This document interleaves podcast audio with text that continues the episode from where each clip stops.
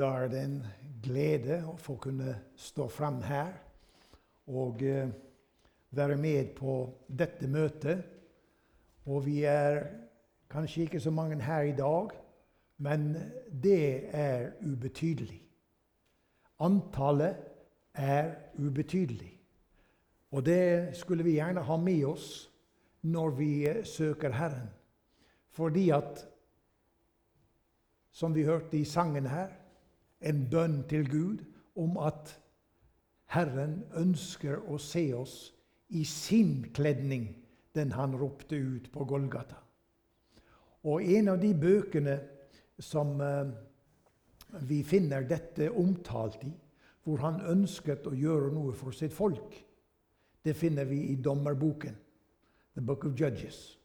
Det er hvor vi er i dag, og eh, vi skal ta for oss selv om vi hadde noe av dette foran oss i uh, sist søndag, så betydde det for mitt vedkommende at en del av det som vi talte om da, det var jo ut ifra den kontekst som da ble talt i.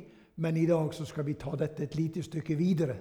Fordi at når jeg, når jeg lå i nattens mulm og mørke og tenkte på hva er det vi skal ha for oss, så, så er det i grunnen et ord eller en setning som går igjen på mange, mange språk.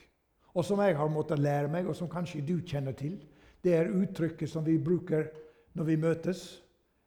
Hvordan går det med deg? How are you? Kommer está ustedes? Vigetes? Kakjila? Alle disse forskjellige setningene betyr det samme. Og Herren er kommet inn i dette rommet i dag, for vi har vært her nå sammen og invitert han inn, slik at, vi skal få svare på dette spørsmålet hvordan står det til her inne. Går det greit? Snakker jeg for fort? Går det ok? Ja, fint. Ja, Det er alltid spennende når vi skal prøve å fange flere nasjonaliteter, men vi er veldig glad for at vi har det sånn her. Og I dag så skal vi ta for oss det som var situasjonen da, på denne tiden mellom 1400 og 1100 år før Jesu fødsel. Og her, i denne settingen, så var situasjonen at Josva han var død nå, 110 år gammel. Og etter han så kom det ingen ny ledelse. Det var ingen ny konge. Det var ingen ny dommer. Og som det står i Dommerne 17, kapittel, eh, kapittel 17, vers 6 i de dager var det ingen konge i Israel. Hver mann gjorde hva rett var i hans øyne. Ja, det var en situasjon som eh, befant seg der hvor Gud hadde sagt gjennom Moses og gjennom de andre tjenerne hvordan det skulle være. Men nå var det lagt på is, og det var ingen som brydde seg om det som Gud hadde sagt. Vi leser i kapittel 2 i Dommernes bok, vers 10-12. Da Josva, Nuns sønn, Herrens tjener, var død, 110 år gammel, og de hadde begravet ham på hans arvelodsgrunn i Timnat Heres i Efraimfjellene nordenfor Gasfjellet. Og da hele denne slekt var samlet til sine fedre, og det efter dem var vokset opp en annen slekt som ikke kjente Herren, og heller ikke de gjerninger han hadde gjort for Israel, da gjorde Israels barn det som var ondt i Herrens øyne, og dyrket balene. De forlot Herren sine fedres Gud, som hadde ført dem ut av Egyptens land, og de fulgte andre guder av de folks guder som bodde rundt omkring dem. Og de tilba dem og vakte Herrens harme. De forlot Herren og dyrket Bal og Astarte-bildene. Dette har sitt utgangspunkt litt lengre fremme i Josvas bok. Grunnen til at det ble slik, det er det du leser om i kapittel 9 hos Josva. Da Josva fikk beskjed om at ett folk skal det være som tilhører meg. Ett folk av én nasjon, av én sort. Israel. Men så var det det at det var noen som var redd for å, å bli utryddet under dette. Dette kan du lese fra kapittel 9 og utover. Og du gjør klokt i det, for det, gir deg et, et, større og bedre bilde enn det vi kan ta tid til å gå inn i i en, i en kort uh, tale her i dag.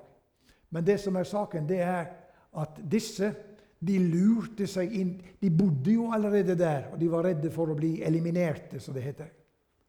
Men derfor så kledde de seg ut og fremsto som fattige, usle, og de falt på kne for Josva og ba om at de måtte få være der, for de hadde reist langt for å oppsøke han, og de smigret Josva. Så Josva gjorde ikke det som Herren hadde pålagt ham, nemlig å utrydde hedenskapet av Israel. Og Dermed så gikk de bort ifra Gud, og det har konsekvenser den gang som i dag. Og Vi leser videre i kapittel 2, vers 14-15. Da opptentes Herrens vrede mot Israel, og han gav dem i røveres hånd, som plyndret dem. Han solgte dem i deres fienders hånd, de som bodde rundt omkring dem. Og de kunne ikke mer stå seg mot sine fiender.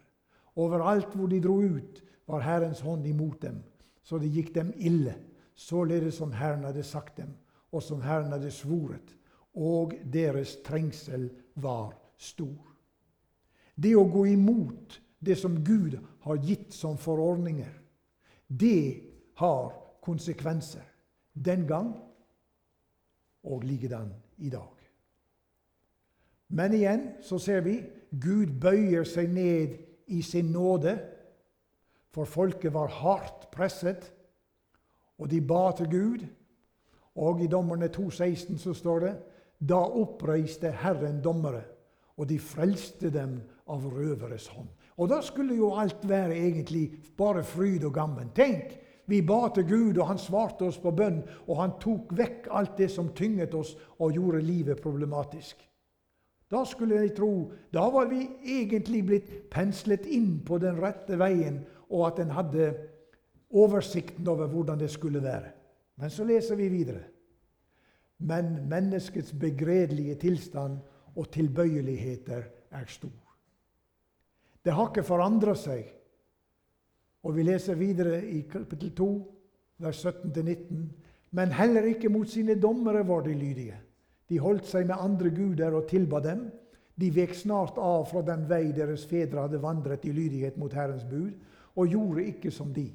Og når Herren oppreiste dem dommere, så var Herren med dommeren og frelste dem av deres fienders hånd, så lenge dommeren levde.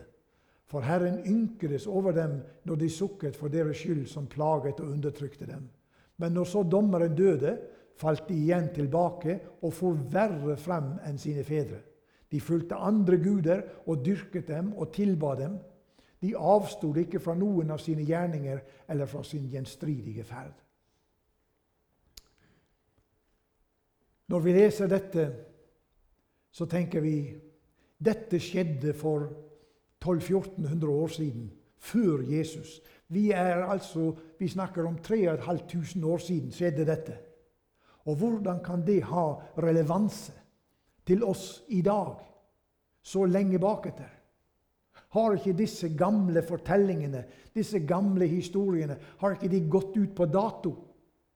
Er ikke det avleggs å bruke dette i dagens forståelse av kristenhetens lære.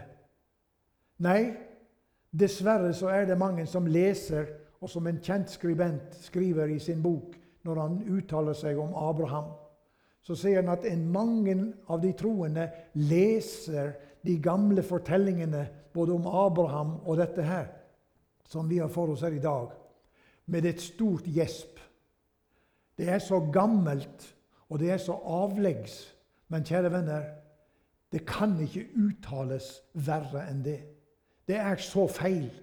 For Guds ord er relevant ifra tidenes morgen og til dags dato i dette øyeblikk. Så har Gud én ting for øye, og det er det som Lina Sandell skriver i sin sang.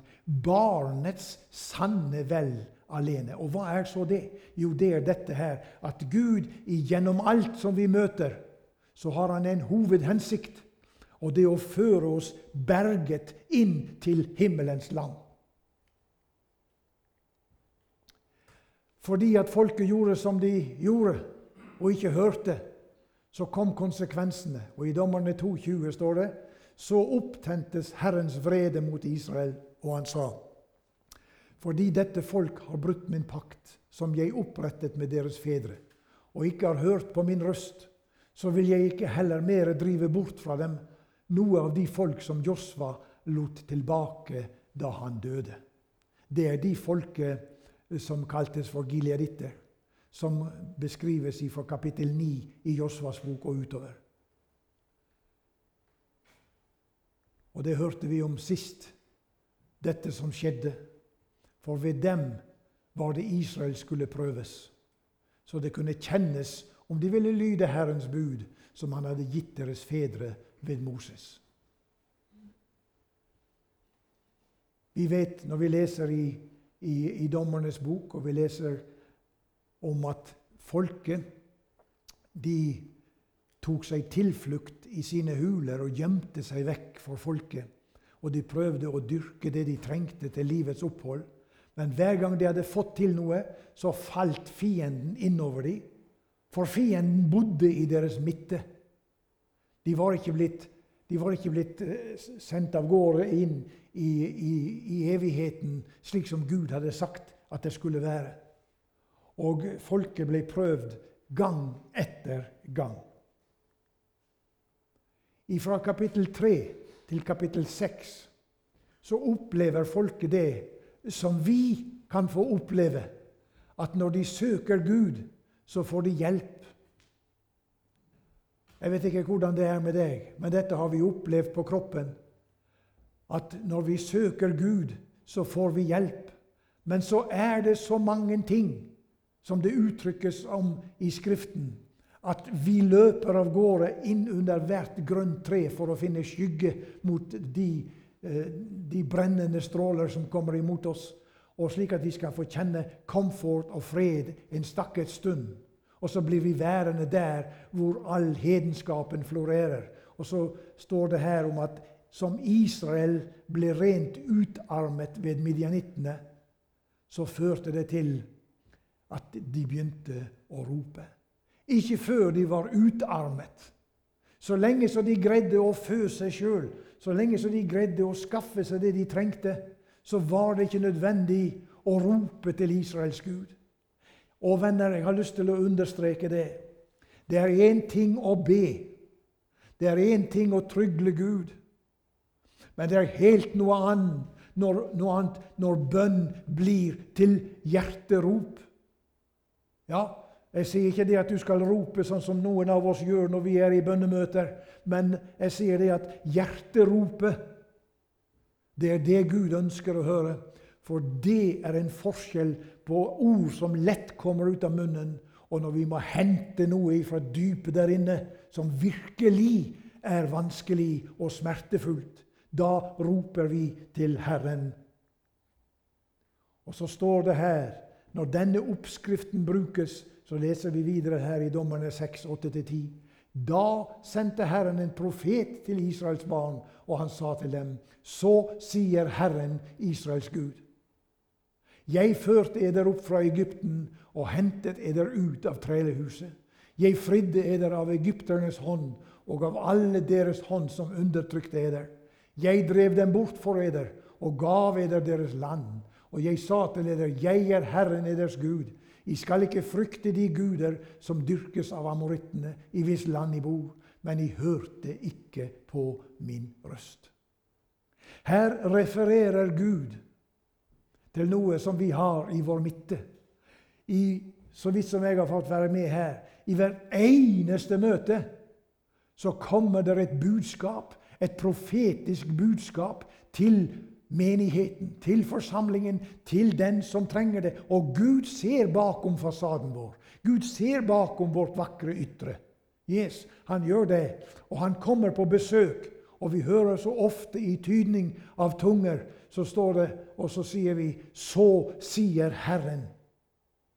Og venner, måtte det gå inn på oss hvor Gud har vært god imot oss og har oppreist oss en profets røst i vår midte mer enn noe annet. Ja, vi er mange som snakker i tunger her i, i denne menigheten. Ja, men mer enn noen så har vi en, en broder som stiger frem og sier 'Så sier Herren', og så hører vi hva Herren sier. Dette er viktig for oss å legge merke til.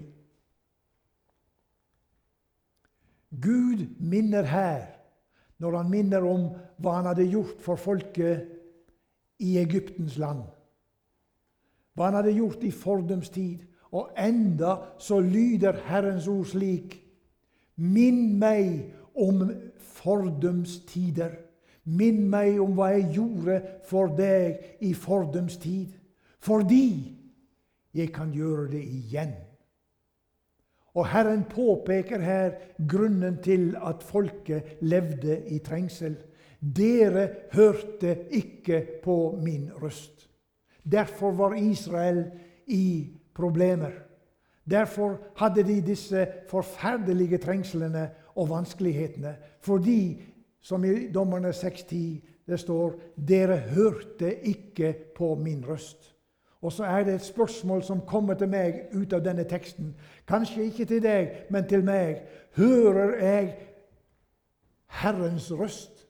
Hvor taler så Herren? Jo, han taler her i menigheten, men han har i de siste tider talt ved Sønnen. I fordums tid talte han til oss ved profetene og de Gud sendte. Men i de siste dager har han talt til oss ved Sønnen.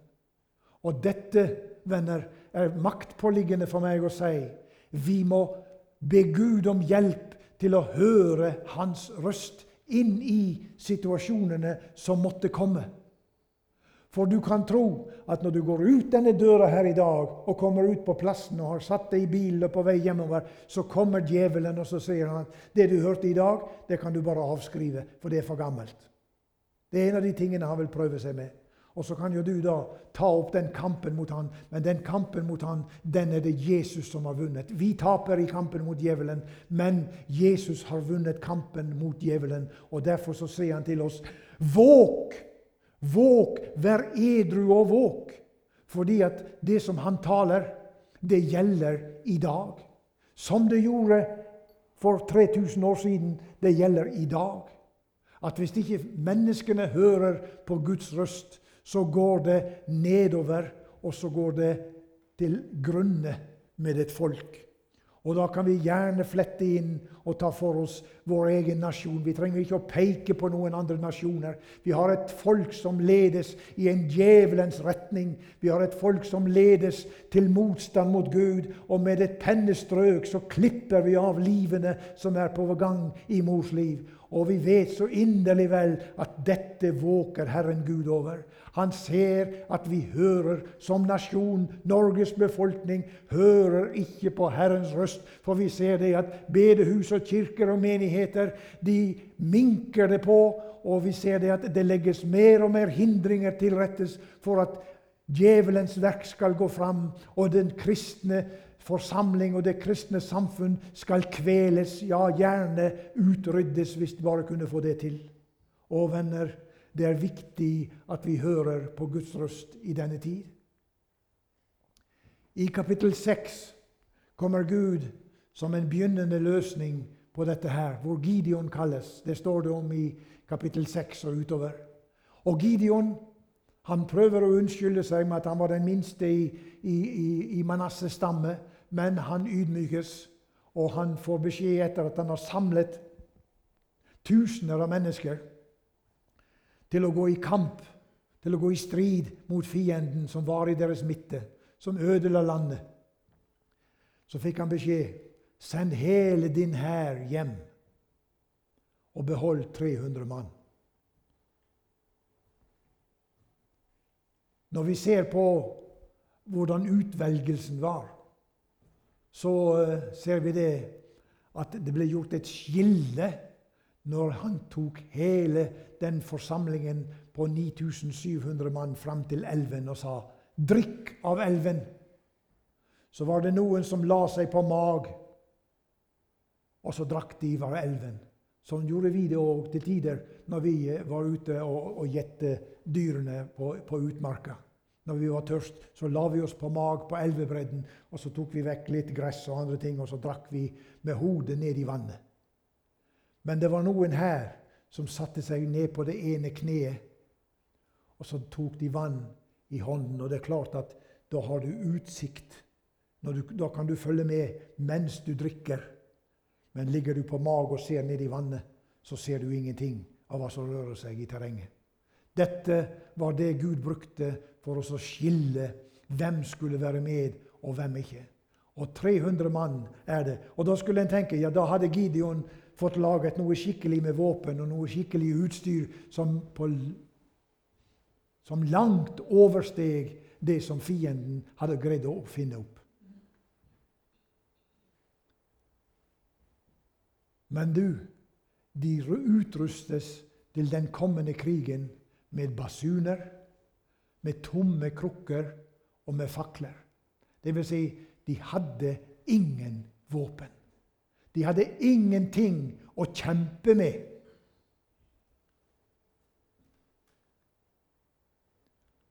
Men saken var den de angrep om natten, i nattens mulm og mørke. Du kan lese dette i, i Dommerne 6.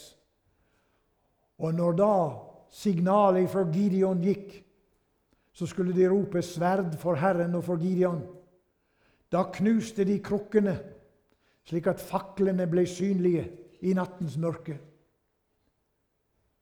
Og så ropte de, og så støtte de i basun. Det var det de hadde fått utlevert, hvor de brukte. Og så ser vi det at det er det samme som skjer på Herrens ord så hadde heller ikke Moses noe sverd da han sto ved havets bredd, når farao kom etter dem.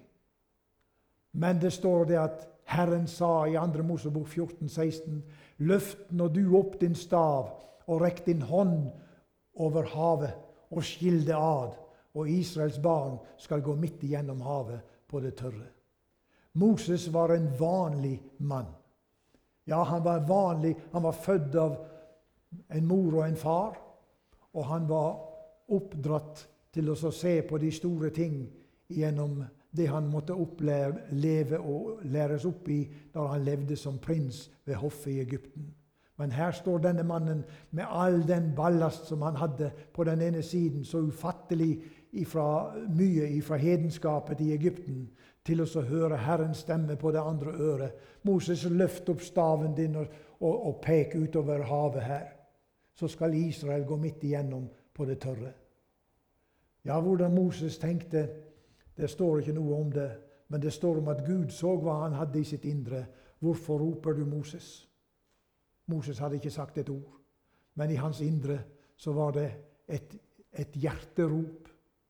Og så fikk vi se Gud oppfylle sine løfter om å føre sine, sitt folk den gang igjennom det som var uoverstigelig igjennom, ikke utenom, ikke på en bro over eller på en lang omvei utenom havet, men igjennom vanskelighetene.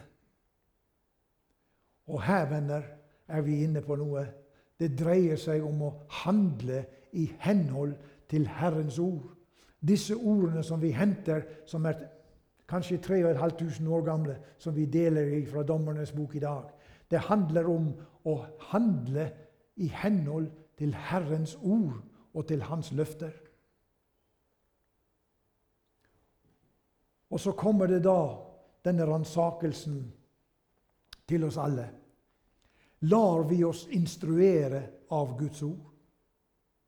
Eller skal vi forbli fastlåste i vår væremåte, i våre tankesett, med våre meninger? Skal vi forbli som det er, eller skal vi forandre oss og la oss instruere av Guds ord. Ikke av min måte å se Skriftene på og de mange ting vi kan differere på. Men skal vi møte Gud i dette Herre, vis meg din vei. Åpenbar ditt ord for meg. La meg få kjenne på at du taler når jeg møter deg i denne boka, i denne gamle boka, med alle disse til årskomne fortellingene. La meg da oppleve, og la det bli et rop i ditt indre, Herre, møt meg på dine løfters grunn, fordi at her ligger det nemlig en sak. Og den må vi også ta med i, i denne der delen hvor vi har med nåtid å gjøre. At i vår tid så sendte Jesus talsmannen. Og det er han, når vi lever i bønn for Gud, det er Han som åpenbarer det som står i denne boka. her. Dette er ei bok med svart blekk på hvitt papir.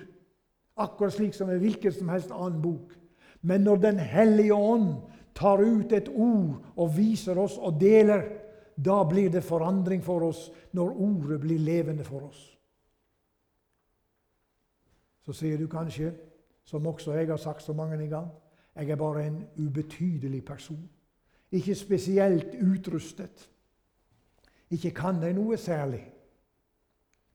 Dette leser vi om de tre som fikk utdelt talenter. Én fikk fem, én fikk to, og én fikk én. Matteus 25 forteller hvordan dette gikk. Og eh, vi ser at i våre hjerter skulle det vokse fram nå, det som står i denne sangen.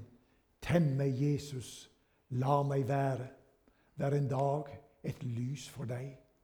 Alltid leve deg til ære. Led meg du på all min vei. Så kommer denne hjertebønna her, som går igjen i hvert vers på denne sangen. Gjør meg villig, varm og våken. Kjære Jesus, led meg frem. Gjør meg til et lys i tåken som kan lede andre hjem. Må det være vår bønn i dag må Gud velsigne deg til å ta deg av dette ordet som vi har delt her nå, og ta det og trykke det til ditt hjerte, så vi innretter oss på Guds veier og Guds ord. Himmelske Fader, vi takker deg for denne stunden, Herre. Vi takker deg fordi at du vil tale til oss gjennom dette i dag.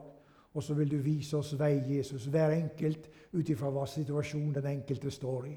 Takk fordi at du er allmaktens Gud, som kan og vil bevare og Jesus, vi roper til deg nå i denne stund, ifra denne lille menighet, Herre, her, om at Jesus, du må komme på besøk til oss, så det kan bli en forandring med oss hvor vi begynner å innrette oss på det du har sagt, Jesus, og at vi lar det gjelde i våre liv og i vår ferd videre. Himmelske Far, takk for vennene som er her i dag. Takk for de som lytter til dette budskapet, Jesus. Må du få tale til oss, Herre, i ditt hellige navn, Jesus. Vi ber. Amen.